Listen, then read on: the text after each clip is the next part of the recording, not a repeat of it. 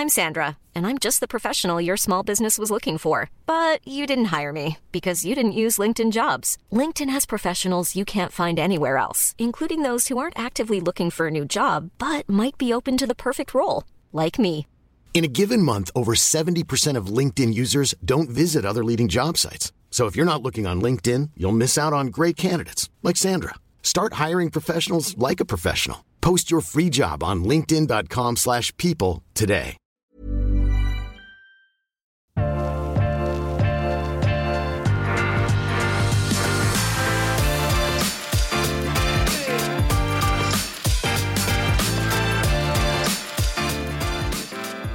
I podkasten Ukens vintips eh, har vi tatt turen til eh, Sjømagasinet på Sjøholmen, eh, der vi har besøk av en produsent fra et område som du sjelden hører noe fra. Og Det burde man gjøre mer av. Og jeg er veldig spent, og det er alltid en hyggelig, hyggelig atmosfære når det kommer folk som gjør forandringer i vinverden. Spesielt i det norske. Vi, oss nordmenn, inklusiv meg sjøl, tenker ofte på at spansk vin er en type festino med mye eik og mye alkohol. Men eh, i over ti år har det vært en stor revolusjon i det spanske vinmarkedet. Spesielt, på de vinene som eh, blir mer naturlige. Og eh, det er en stor ære å ta imot en mann som skal få lov å presentere seg sjøl. Men vi som vanlig er nødt til å gå over på engelsk, da jeg ikke snakker spansk og han ikke snakker norsk. Så eh, please um, say a little bit about yourself uh, and welcome to the podcast. Thank you very much. Um, well, my name is Juan Diez Bulnes, and I'm the owner of Bernabeleva, and it's a family project with my sister. After four generations uh, making uh, things with uh, bad luck, uh, A four generation with bad luck. Okay. yes, uh, for one reason or another, Yes. Okay. from the civil war to uh, vinegar issue, Okay. and and now I think this is the the good one. Um, we we have the the old vines my great grandfather planted or bought just 100 years ago. And, And uh, and where are the, your situation for the for the listeners? Uh, because the area is not so famous about wine. It's more like the little bit outside the capital of Madrid in Spain. yeah, it's uh, today it's a nice area for for the weekends or for holidays because it has been so isolated. Uh, it has had no development, so it's lush nature and. And it's still uh, 45 minutes away from the city. I live in, in the city of Madrid myself, but I, I love to drive. But the every day. roads are not uh, easy. No, Oh, no, no. So it's, not it's so not 45 easy road. It's uh, curves and yeah, it, it- you're in the middle of nowhere land when you're arriving your uh, vineyards. Yes. Is this one of the issues of one of the why the reviews of your wines are good because you have old wines in your Yes. in your yeah that's one of the part of it. It helps a lot uh, because with uh, we have this uh, so hard climate. It's uh, continental. With sometimes we have Mediterranean, sometimes we have uh, Atlantic uh, influences, but we still have a very continental climate with uh, very high temperatures in the summer. It's very dry. It rains uh, between four and five hundred uh, liters per year per square meter. Okay, so it, it rains enough to grow.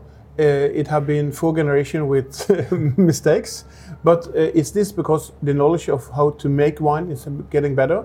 Because you built a new winery in 2009, who have you know, high, it's, it's not uh, the highest tech, but it's big enough space. Is this one of the issues that makes it's possible to make wine that if this kind of quality? I think it helps a lot. It's a very comfortable place to work. Uh, you don't need uh, artificial light to work there.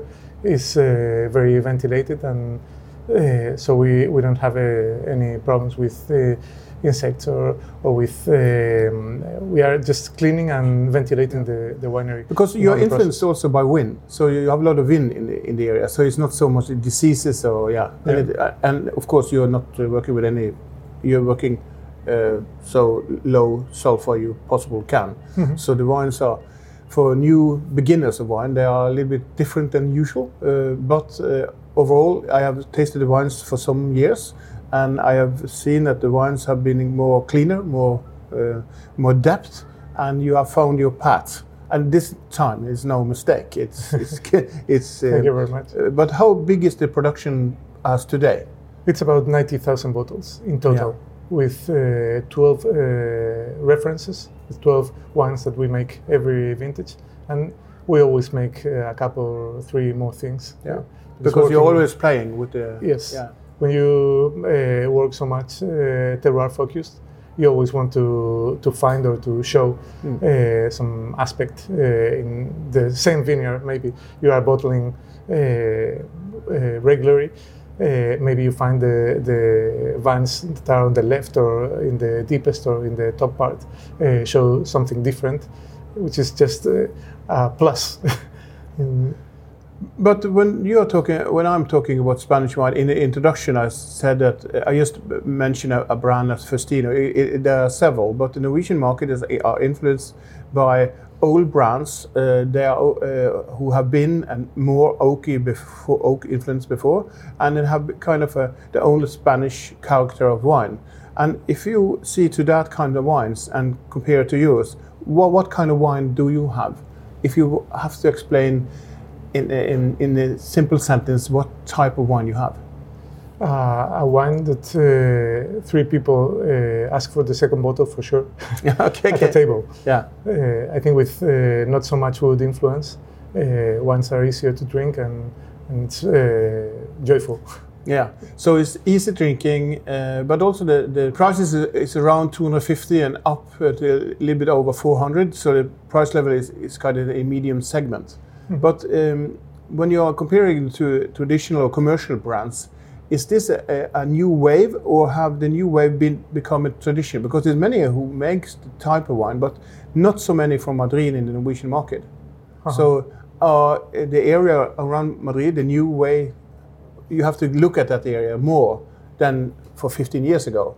Because when I tasted it for the first time, it was for your wines. It was uh, exciting. It was just outside Madrid, a beautiful city, uh, and I would think, ah, is this possible? But I have learned from the times around 2007 and nine that um, a Spanish wine you have to think two, three times before you decide what Spanish wine are today, because at that time after the finance crisis, it was a lot of things happened.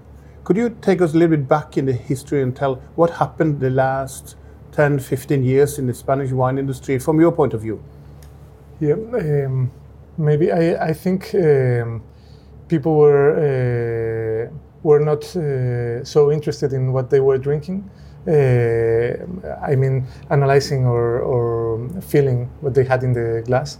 But people were confident with a brand, and I think now people are more open and have more curiosity, and and try to to find why they like that wine. Uh, they're not just comfortable by saying, "Oh, I paid for this brand, so I have to like the wine."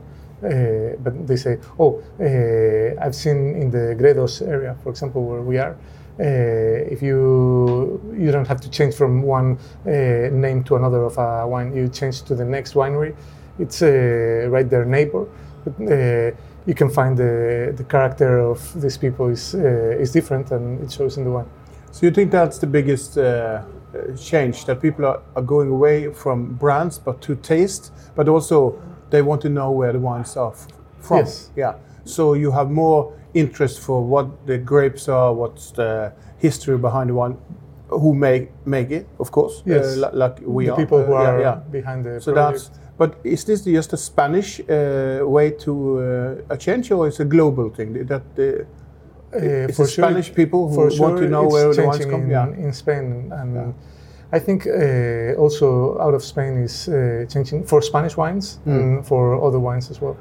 Um, we are selling 90% of our production abroad, and, and we find it's uh, the the segment or, or what the wines people drink when they buy our wines uh, is with a lot of curiosity for for the place and for the project and for the people around. But with 90,000 bottles, uh, you have enough to do now. it, it is easy to expand to 200,000, or is that not, not in the Um, mindset? It's not in our mind. No. Uh, we are comfortable with uh, this number of bottles, Yeah. so uh, we just uh, would like to to make it uh, easier every vintage. But uh, we we have two things. Uh, if you produce more, you have to to make an effort to sell. Yeah. And, uh, Because it's a kind of uh, way of um, thinking that the market is growing, but also this, this is also people who like to test new things. They are so it's like the bear market is like, just like when you're reaching with something. Uh, for many who is a new experience about Spanish wine, as a brand, they are collecting that every year. But this, oh, we taste this this year, and then you are not so popular. But still, you produce ninety thousand bottles you got to sell.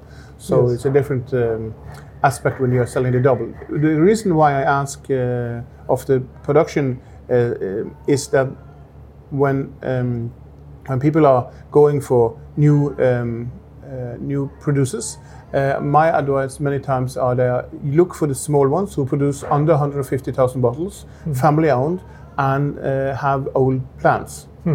that's what we are. Yeah. So that's a, a, a rule that you are thinking is good.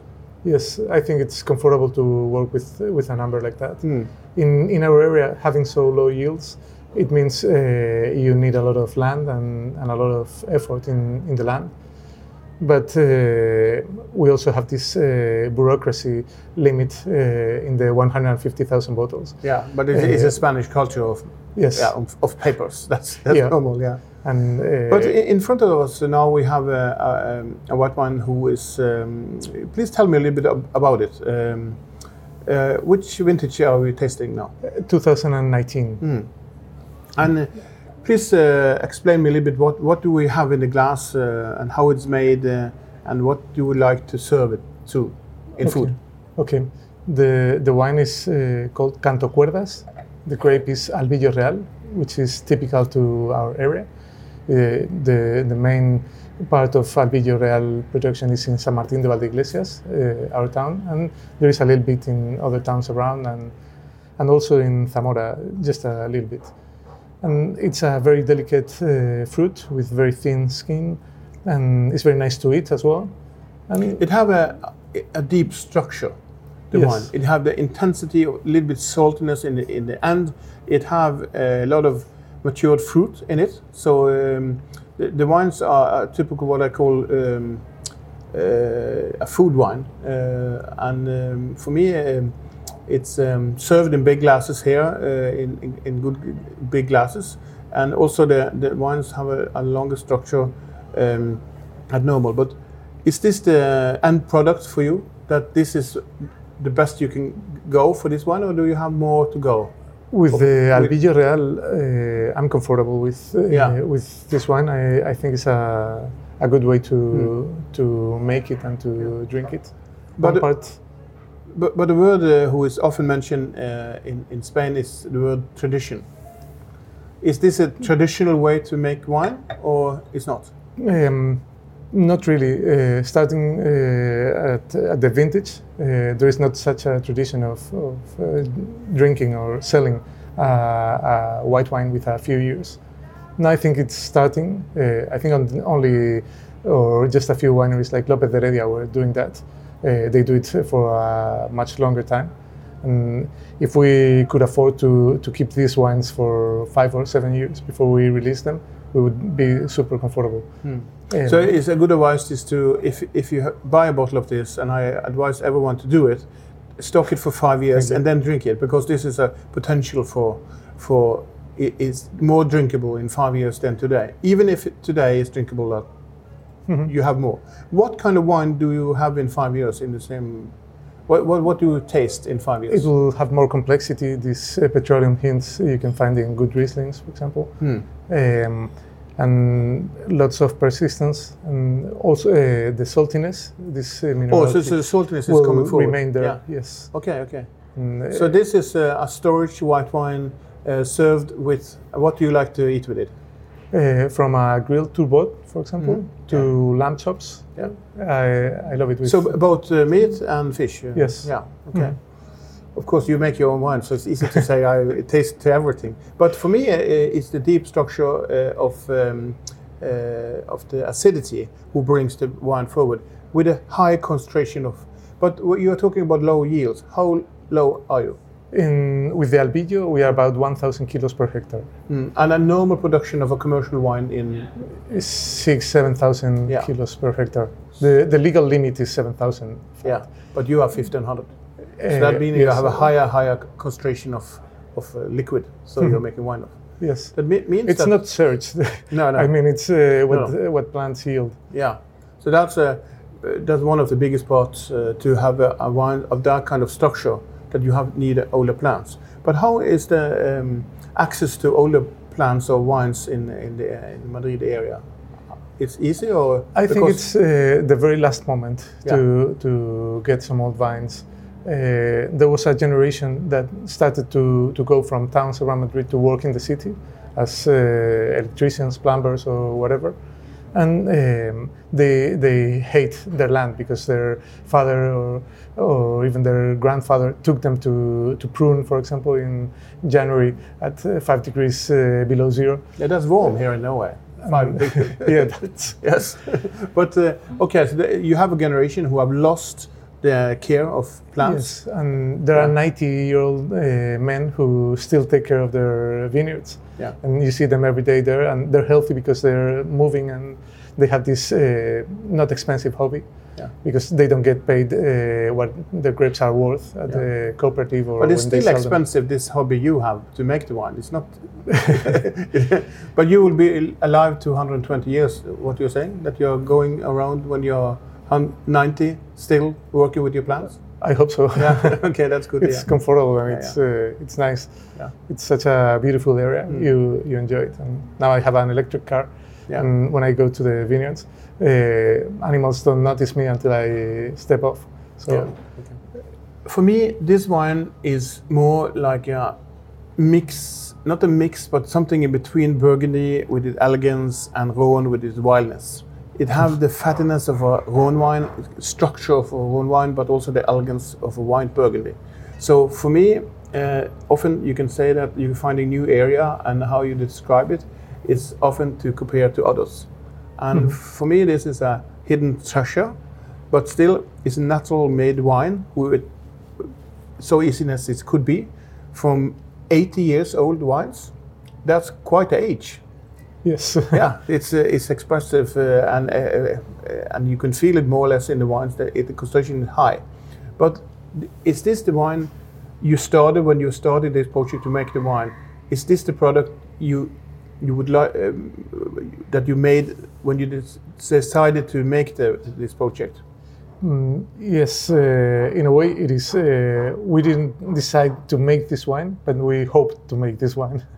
Ah, you Uh, hoped, yeah. Yes, uh, we let uh, things happen. Hmm. We, we had no uh, not model to, to follow in the area. There was not uh, uh, like a standard of wine producing in our area.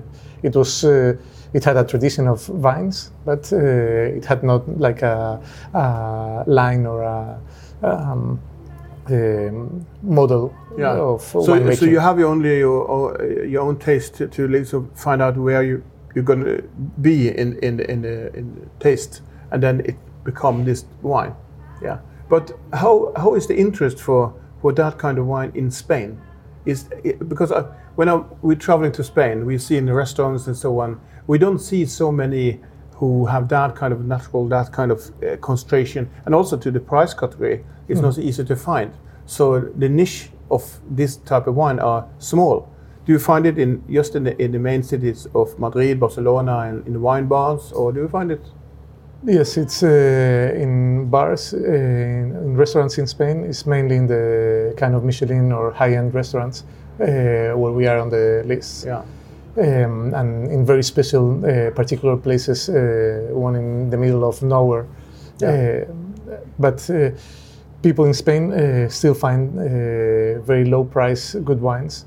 So um, it's not so easy to, to see in big shops or, or in. And There's a different tax level here in Norway than in Spain, and different uh, attention to wines. So we have a kind of um, what should I say? The Norwegian they love uh, new winemakers. They love new wine and, and also areas, but they would like to know where the wines are similar to, or uh, they know it have to be trusted by someone who tastes wines. And I Mhm. assure you, this uh, white one here, uh, served with um, in a big glass and a little bit decanted, uh, and uh, after your own words, that you can, in five years' time, you will see the real uh, truth of this wine. It, uh, it is a fantastic wine. Et av merkene Temtec nå fører, er franske La Sommelier. I denne serien finner du blant annet vinskapet E-Seller, som er det første smarttilkoblede vinskapet tilgjengelig på markedet. E-Seller er et praktfullt resultat av flere års utvikling mot perfeksjonisme. Estetisk tiltalende design med vakre finisher, det nyeste innen kjøleteknologi og nøyaktighet i hver minste detalj. Organiser vinsamlingen din i det smarte hyllesystemet utviklet for å romme et stort antall flaskeformater, opptil 9,5 cm i diameter. Bordeaux-flaskeformatet er ikke lenger normen, og med e-celler kan du lagre alle favorittflaskene dine uten unntak. Ved å koble vinskapet til mobilen din, registrerer skapet automatisk at du legger inn og fjerner vinflaskene dine, og oppdaterer det i en tilhørende app. Dette fantastiske vinskapet kjøper du på temtech.no.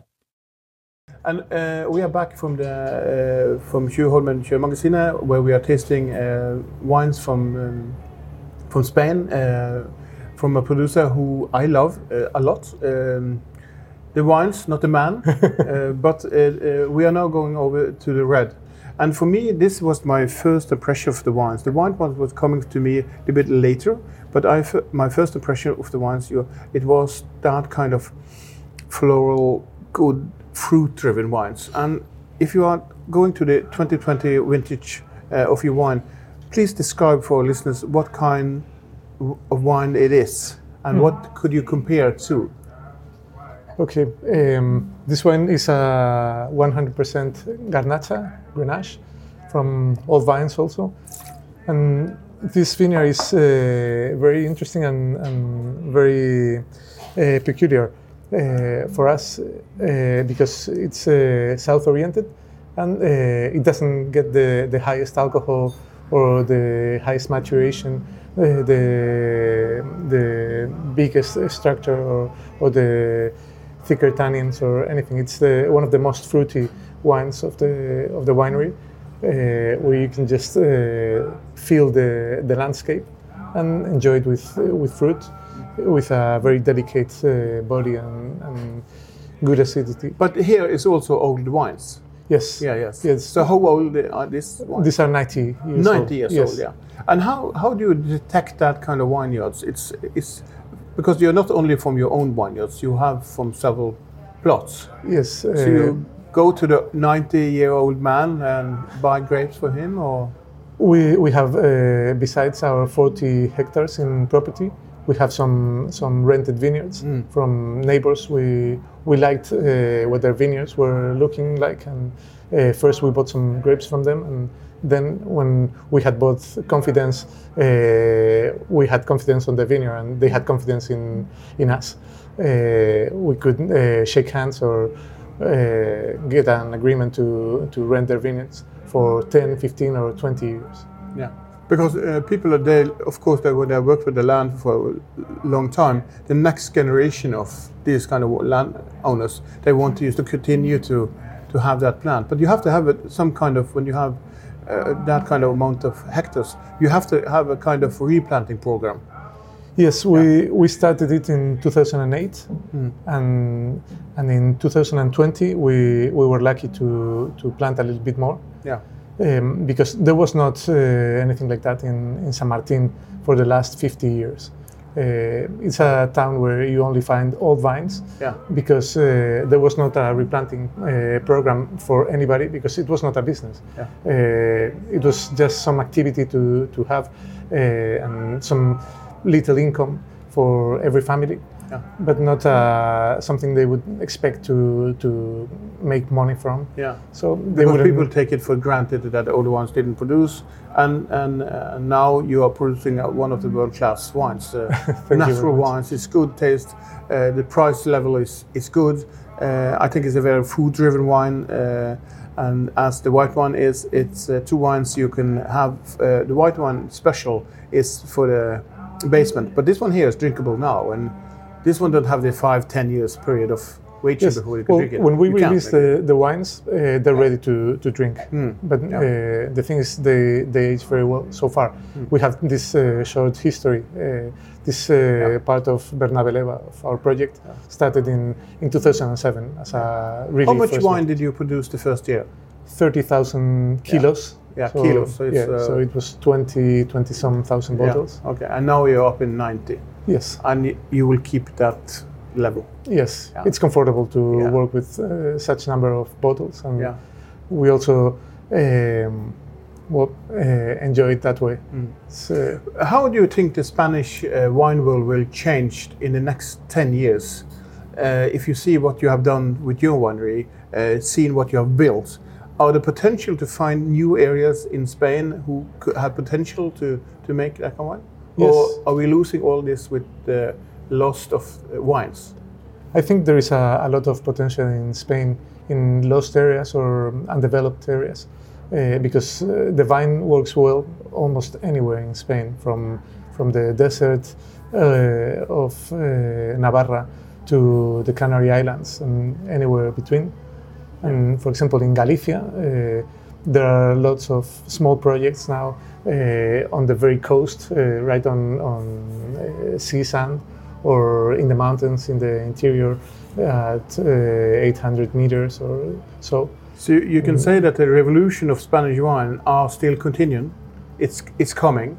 Uh, you have started one of the first who have changed that. If you if you take the start in 2008 seven and until today, you are made to make 90,000 bottles. Uh, who is a very large number of wines uh, or wines to sell. Um, but of course, you are also bringing up new producers who is seeing that your success of making wines is good, and then you can see that the generation who have the old oak um, alcohol, uh, they are dying out, but also they are also changing. Uh, we don't see it so uh, good in the numbers in the Norwegian uh, monopoly, but we see it between the sommeliers and the, restaurant who have some interest to have something good on the map. And when you're listening to this, in 10 years' time, if you buy this wine here, I assure you, you have a fantastic wine on the table and you have a good story to, to tell you, your, your guests. And I think um, we will continue to, uh, to watch and taste your wines. I'm so happy that you have taken the small um, time to be here with me in the episode of Ukens vintips. Uh, and um, I'm looking forward to, to taste your wines in the future. And um, next time I'm in Madrid, we will be in the wine just to talk. Yes, please. Thank you. Thank you very much. Cheers. Cheers.